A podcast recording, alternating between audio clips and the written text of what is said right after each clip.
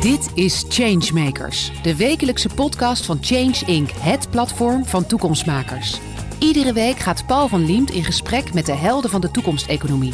Krachtige leiders uit familiebedrijven, multinationals, MKB-bedrijven, start-ups en scale-ups. Die kleur bekennen, richting geven en tempo maken. Vernieuwers voor wie verandering geen agendapunt is, maar een business case. Want morgen wordt vandaag bedacht. Tiemen van der Hoeven is CEO van de circulaire fietsenmaker Roet. Hij streeft naar 100% circulaire fietsen. Welkom Tiemen. Ja, Dankjewel. Ja, ik moet even iets zeggen. Hè. We staan hier op Pampus, dat zeg ik altijd. Het is geweldig. Echt heel mooi als we om ons heen kijken. Door water omringd. We kijken naar windmolens die er ook nog met een ja, designkarakter uitzien. Zo hoef je niet aan te storen in dit geval. Maar wij maken wel iets bijzonders mee, het team. Want jongen, jongen, het blijft maar waaien, man. Het is niet normaal, hè? Het is, uh, het is stormachtig, ja. Het is, uh, dat maakt, maakt, het extra mooi. Uh, ja, ik, ik, geniet er wel van. Ik vind het wel heerlijk lekker buiten zijn wind. Nou ja, nou moeten we eerlijk zeggen. Wij gaan met het, eh, het snelle bootje hier naartoe. Maar we namen nu de langzame boot, want we werden gewaarschuwd. We zouden was, een, nat pak, we zouden helemaal kletternat aankomen. Nee. Dat kon gewoon niet, hè? Maar dit gaat en we kunnen elkaar goed verstaan. Gelukkig Zeker. ook. We moeten wel een beetje vaste voet onder de grond houden. Want anders dan waaien we echt hier weg. Uh, ik heb een blaadje. Ik moet het gewoon zonder blaadje doen. Dat is heel erg lastig uh, deze keer. Uh, we beginnen wel, wat ze altijd doen, met het duurzame nieuws ook. Wat is jou afgelopen week opgevallen? Dat was misschien niet afgelopen week, maar wel afgelopen maand. dat er een stukje land op de Noordpool is ontdekt. Wat nooit eerder gezien is, omdat het gewoon het ijs nooit zo ver gesmolten, gesmolten is.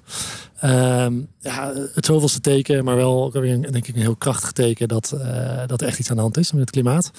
En uh, ja, gewoon nog weer een, uh, weer een reden om uh, harder te werken om dat om te keren. Ja, maar toch heb je dit soort tekens nodig om, om er heel zeker van te zijn? Um, nee, niet om er zeker van te zijn, want ik denk dat de wetenschap dat al lang bewezen heeft. Maar ik denk dat je het nodig hebt als een stukje overtuiging, als weer een extra prikkel voor, voor de grote massa. Ja, en voor jezelf ook even schrikken weer toen je dit verhaal hoorde? Ja, toch wel. Toch wel. Je gaat toch nog een keer nadenken over, over je keuzes. Um, en dan nu dan toch met ook die elektrische auto, die ik er echt misschien nog niet helemaal kon betalen. Maar, nee. nou, dat weet ik niet. Als het met de route goed blijft gaan, dan moet je dat makkelijk kunnen betalen. Ja, nee, zeker. Dat kan ook. Dat kan ook. Maar het is alweer een extra, extra prikkel hè, om, uh, om uh, nog een keer naar te kijken naar wat je, wat je allemaal doet. Goed, laten we over jouw bedrijf gaan praten, Rootsfietsen. En uh, dan is het interessant om te weten wat je ooit gedaan hebt... voordat je precies vertelt wat het bedrijf inhoudt. Uh, je werkte bij Deloitte. Mooie functie ook natuurlijk, uh, mooi carrièrepatroon. Uiteindelijk word je dan partner. En dan loop je binnen en heb je mooie status, financieel al alles voor elkaar. Toch maakte jij een stap naar een andere richting. Waarom? Nou, begin misschien ook met ehm, de reden waarom ik bij Deloitte ben gaan werken. Um, ik ben uh, werktuigbouwkundig van achtergrond en daar had ik heel veel over techniek geleerd. En ik zag uh, consultancy echt wel als een kans om heel veel te leren over business.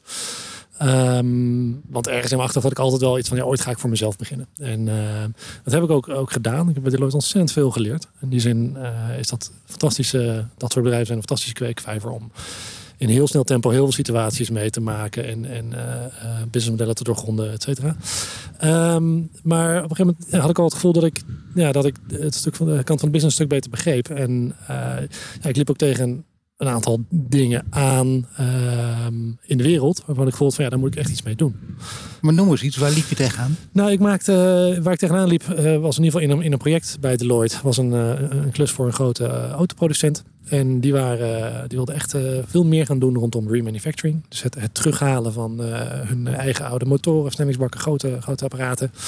Um, en daar maakten ze eigenlijk van dezelfde onderdelen maakten ze daar weer nieuwe kwaliteit uh, motoren versnellingsbakken van. En dat was ontzettend duurzaam. Dat, dat gebruikte gewoon maar. Ja, voor die nieuwe onderdelen, dat is een belangrijk woord, hè? remanufacturing. Dat is het begin van het idee geweest. Ja, dat is het begin van het idee geweest. Um, je gebruikt dan maar uh, 20% van de energie uh, om dezelfde functie van het apparaat te creëren. Dus je, je gebruikt al ook wel 80% van de materialen opnieuw.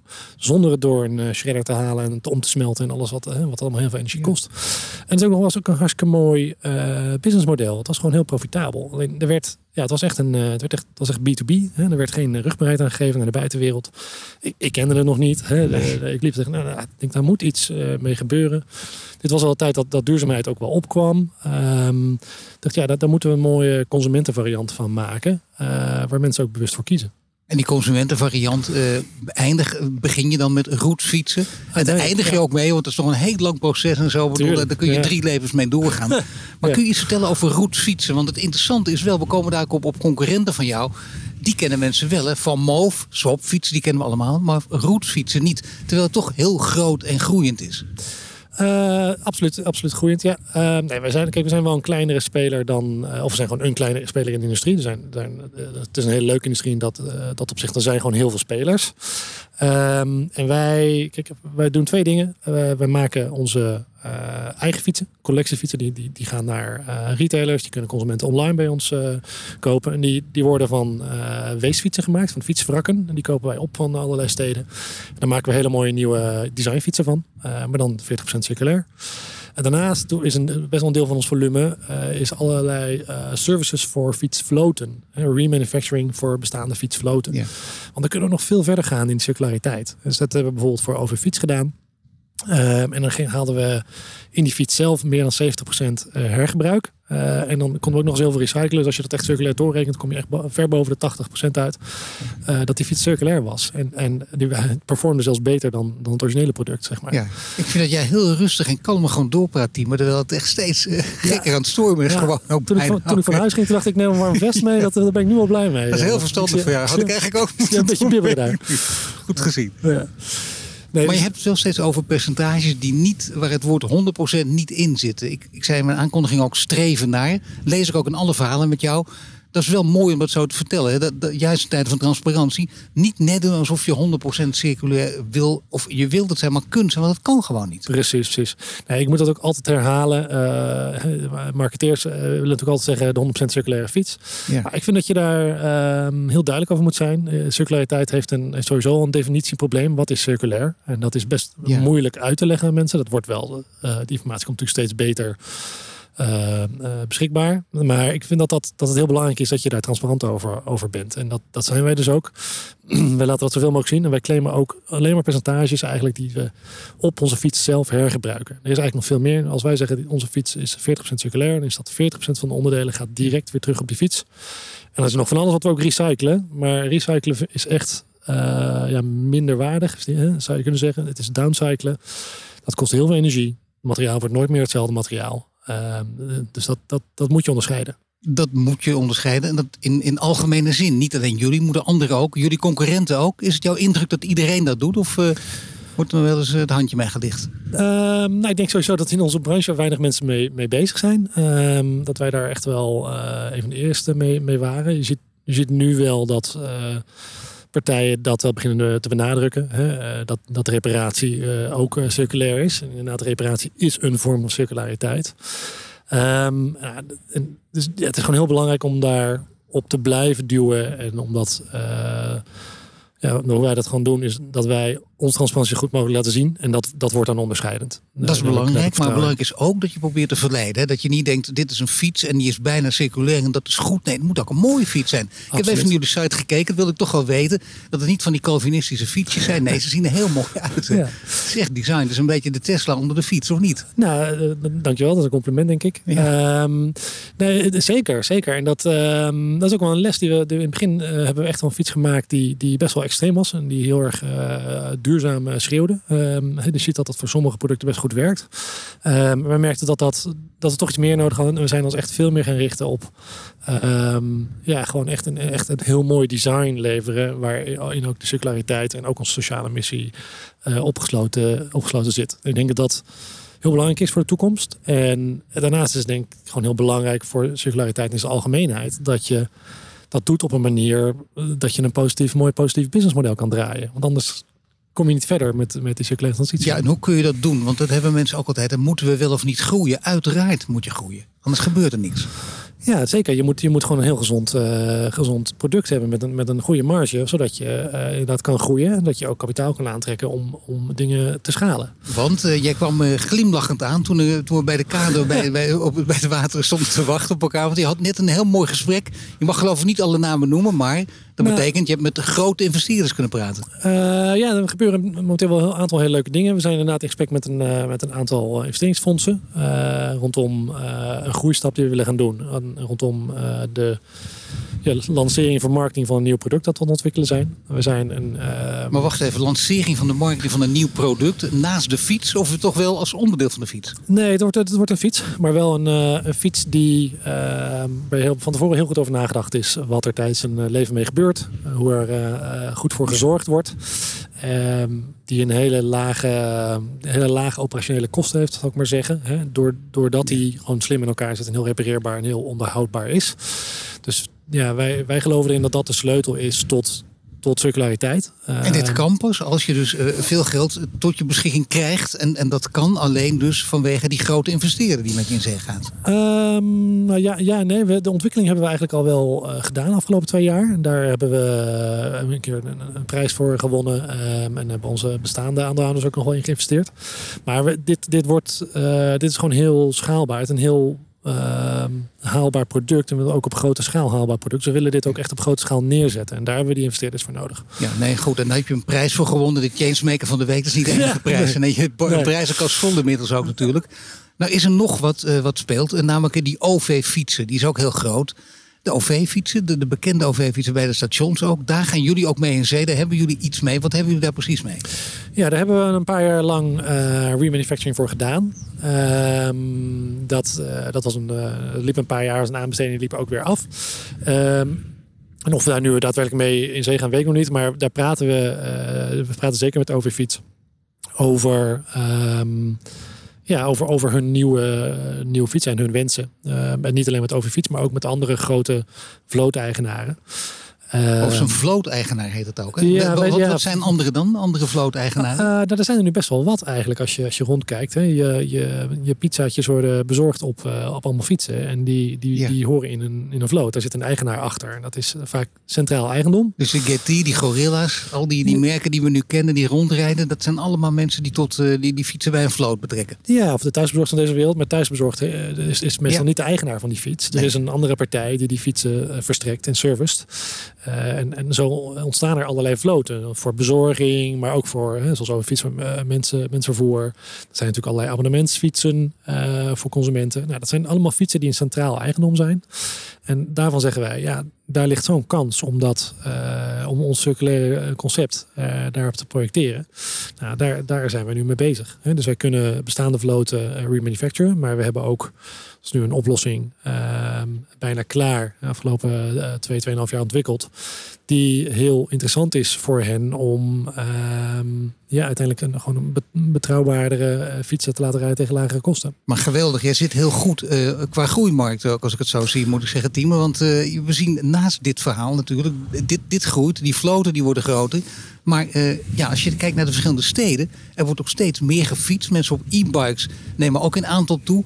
Uh, he, dat, dat ja. beetje, de, de surfer imago is er vanaf. Van alleen maar de bejaarden op de, op de, op de e-bike. Iedereen koopt het nu die iets verder van de stad af woont. Want steden worden steeds minder bereikbaar voor, voor auto's. En steeds meer bevolkt ook door fietsen. Absoluut, nee, dat, dat zie je echt. Um, in Nederland zie je dat al. Als je in Amsterdam fietst, uh, zie je toch dat die fiets uh, steeds meer ruimte nodig heeft en ook steeds meer ruimte pakt. Hè? Ja, en en uh, het verkeer schikt zich daar een beetje naar. Dat vind ik een mooie, mooie gewaarwording. De fietsfiles? De fiets, fietsfiles inderdaad. Ja, prachtig. Ja. prachtig. Maar wij zijn natuurlijk de, de vreemde eend in de bijt als, als Nederlanders. Want wij, wij hadden al, al die fietsinfrastructuur die ingericht was op, uh, op langzame, langzaam fietsen. He, smalle, smalle fietspaadjes, twee meter breed. Um, maar uh, in, in andere steden is dat er nog niet. En die hebben dan misschien eigenlijk nog wel een betere kans om dat in één keer goed in te richten voor grotere volumes en hogere snelheden. En ik denk dat we daar in Nederland nog een beetje aan moeten wennen die verschilsnelheden van. Nou ja, dat is wel opvallend. Ja, dat je inderdaad denkt, uh, wacht eventjes, iemand gaat me heel snel voorbij. Dat kan hooguit een irritatiefactor opleveren. Maar je kunt af en toe ook een beetje schrikken. Dan denk je, je kan nu oversteken, maar wat zijn ze snel bij me? Ze zijn ook geluidloos. Want wij zijn gewend gewoon te fietsen. In het buitenland is het toch vaak fietsen is een sport. Maar je ziet wel Antwerpen bijvoorbeeld, als ik kijk uh, dicht over de grens. Uh, Duitsland ook, dan gaan mensen ook vaak toch gewoon met de fiets naar het werk. Ja, steeds, steeds meer. Steeds meer. In, in Nederland zijn we, vinden we het heel normaal dat de fiets een echt een functioneel uh, apparaat is, product is, waarmee je uh, ja, bijvoorbeeld jezelf vervoert of iets vervoert of wat dan ook. En in het buitenland uh, is fietsen veel meer aan sport gekoppeld. Als je naar bijvoorbeeld de, de, de grootste, een van de grootste fietsbeurzen ter wereld gaat, de Eurobike, dan is dat gedomineerd door sportfietsen. Uh, omdat in verreweg de meeste landen, en verreweg de meeste fietsen die worden verkocht, zijn, zijn sportfietsen. Dus daar, daar moet men nog een beetje aan wennen. Ehm, je ziet ook dat uh, veel componenten in de industrie worden geproduceerd voor sportfietsen. Ja. Die zijn dan ook niet altijd even geschikt voor wat wij ervan willen. Hè? Een fiets die gewoon een, een, dag in dag uit gebruikt wordt en in de regen staat en allemaal dat soort, dat soort zaken. En dat is best een uitdaging. Ehm, maar ook een kans, denk ik. Ik denk dat het een enorme kans is om, uh, zeker met e-bikes, mensen een stap te laten maken van... Maar jullie zitten al in België, Duitsland, hè? daar zijn jullie al aan het werken. Daar hebben jullie al contracten ook. Maar hoe zit het met andere landen? Welke landen staan op het lijstje? Um, nou, wij willen vooral groter worden in, in, in die landen. Dus eigenlijk eh, West-Europa staat op het, uh, op het rijtje. Um, West-Europa, dat betekent ook Duitsland, dat betekent ook Frankrijk, uh, ja. Italië? Ja, nou Italië misschien, misschien iets later. Maar, maar West, we denken, denk zeker aan Duitsland, Denemarken, Frankrijk, België. Ja, dat, dat zijn wat de eerste landen waar wij echt meer zouden willen gaan doen met ons nieuwe, nieuwe product. Dat is wel werk aan de winkel, want hoe groot zijn jullie nu? Hoeveel mensen werken bij jullie? Nou, we zijn een, uh, net al een kleine speler. Um, de taal uh, werken er ongeveer 40 monteurs bij ons. Um, dat zijn uh, en een, een stafteam van 15, 15 man, 16 man. Niet allemaal fulltimers. Um, onze monteursgroep is een, is een, een bijzondere groep. dat zijn overwegend mensen met afstand tot de arbeidsmarkt. Het is eigenlijk een soort flexibele pool. We leiden heel veel mensen op en leiden die dan door naar uh, andere uh, ja, vlooteigenaren of fietsenwinkels of uh, reparatiebedrijven. Um, dus je zou kunnen zeggen dat we nu uh, nou, zo'n zo, zo 30, 32 FTE zijn, zoiets. Dus steeds een kleine club. Ehm, heel onafhankelijk opererend uh, in een hele mooie fabriek in maar die moet. Maar die, die moet wel groter worden, die club, natuurlijk als je internationaal wordt. En het in, in, interessante is natuurlijk, je hebt ook een bepaald leiderschapsmodel. En dat, is ook, dat hoort hier helemaal bij, denk ik, in dit verhaal. Want jullie nemen geen mensen aan die alleen voor het geld komen. Dat kan bij veel bedrijven, maar er worden echt toch eisen gesteld. En er wordt zelfs gescreend hè, op mensen op een andere manier. Ja, zeker. Bij ons is het echt belangrijk of je, of je ook voor de missie werkt. En er zijn heel veel mensen die dat uh, wel graag willen doen. Uh, maar die daar niet uh, bereid zijn de gouden handboeien voor af te doen, zou ik maar zeggen. Ehm, ja. Dus ja, die zit, zitten ook zeker in, bij, bij starters zie je grote, grote bedrijven ehm, best grote bedragen betalen. waarvan ik me afvraag, is de business case er wel voor dat bedrag, voor die functie? Die is waarschijnlijk ook niet. Dat gaat natuurlijk om doorgroeien voor wat die persoon later doen. Ja. Nou, en daar, daar kunnen wij ook niet aan meedoen, maar daar willen wij ook niet aan meedoen. Wij willen gewoon uh, met name mensen aannemen die ja, echt voor de missie gaan. Uh, je moet bij ons echt een, een stapje extra zetten, uh, omdat we werken op een circulaire manier, omdat we werken met mensen met afstand tot de arbeidsmarkt. Dat maakt een hele operatie uitdagender. Maar betekent dit, betekent dit ook e-, echt dat mensen die, die zeggen, die heel goed zijn, waarvan je ook weet, die, die zouden we kunnen gebruiken, echt een knappe kop, daar kunnen we verder mee, maar die is niet bereid om, om geld, uh, daarvoor geld in te leveren. Of niet volgens dit financiële model te werken. Dan gaan jullie toch niet met zo iemand in zee. Um, nou ja, ik, dat, is, dat, is, niet het geval. We hebben juist uh, eigenlijk weinig moeite om mensen aan te trekken. Uh, mensen willen heel graag bij onze missie uh, werken. Nee, dat begrijp ik ook. Maar ik bedoel, iemand die zegt, nou dat wil ik niet. Maar die wil heel erg goed is. Dat, dat is een beetje om, om een dilemma te schetsen ook. Hè? Ja. Zo scherp mogelijk. Dan zeg je, iemand die heel goed is, maar niet met jullie dit soort idealen deelt, daar ga je niet mee in zee. Nee, nee in principe niet. Want die zal, die zal niet uh, dezelfde passie hebben voor de missie als wij. Maar even naar de andere kant. Uh, we hebben, uh, ik heb iemand bij me werken in ons ontwikkelingsteam. Die heeft bij NASA gewerkt op een robotica team. Um, andere mensen, designers uit, uit de fietsindustrie andere eh, mensen die bij Deloitte vandaan komen. We hebben, we hebben hartstikke goede, hartstikke goede mensen. Die willen bijzonder is dat. Dat vind ik toch mooi om te horen. Dat is een hele, dat is inderdaad een bijzonder gezelschap bij elkaar. Kun je ook een leuke documentaire van maken. Nou, inderdaad. Ja, inderdaad. Ja, nou, misschien dat dat nog in het verschiet zit. En, en een boek erbij. Boek erbij, mailtje in de tegenlicht. Ja, helemaal goed. ja, Dan ga je ook uh, naar de prijzen kijken. Ik keek naar de site. Dan zie je een e-bike uh, 2, 2.500, een beetje rond die koers. Daar krijg je een hele mooie fiets voor natuurlijk. Maar jullie gaan met hele andere modellen werken. Jullie willen met abonnementen gaan werken, met servicemodellen. Maar hoe ziet dat er dan precies uit? Ja, wat, wat belangrijk is, we maken inderdaad nu gewoon een hele mooie, hele mooie e-bike. En uh, daar bieden we ook hele goede service bij. Maar we willen uh, die loop nog veel verder sluiten. En op dit moment is dat nog best moeilijk. Als je een fiets verkoopt via een retailer naar een consument, dan is het best uitdagend om die loop al helemaal te sluiten. Nou, en we zouden energie kunnen, kunnen gaan steken in het sluiteren van die loop op de huidige producten. Maar wij kijken veel meer naar voren. wij willen een product neerzetten wat bedoeld is voor zo'n gesloten loop. En waarbij wij altijd ehm, betrokken blijven bij het product. dus ik denk dat, dat je een circulair model succesvol kan maken als je de gebruiker ervan ook iets extra's biedt. Ehm, en dat kan uh, in de vorm zijn van een bepaalde betaalbaarheid, omdat dat product gewoon minder, minder afschrijft, hè, langer gebruikt kan worden. Maar ook uh, een bepaalde service. Kijk, wij hebben gewoon heel erg belang bij dat dat product uh, heel blijft, goed gebruikt wordt. Uh, niet stuk gaat, want dan blijft de waarde erin zitten en wij willen dat ook terug. En dus dan, dan gaat zeg maar het economische model gaat, uh, meewerken met het, met het circulaire model. Ja.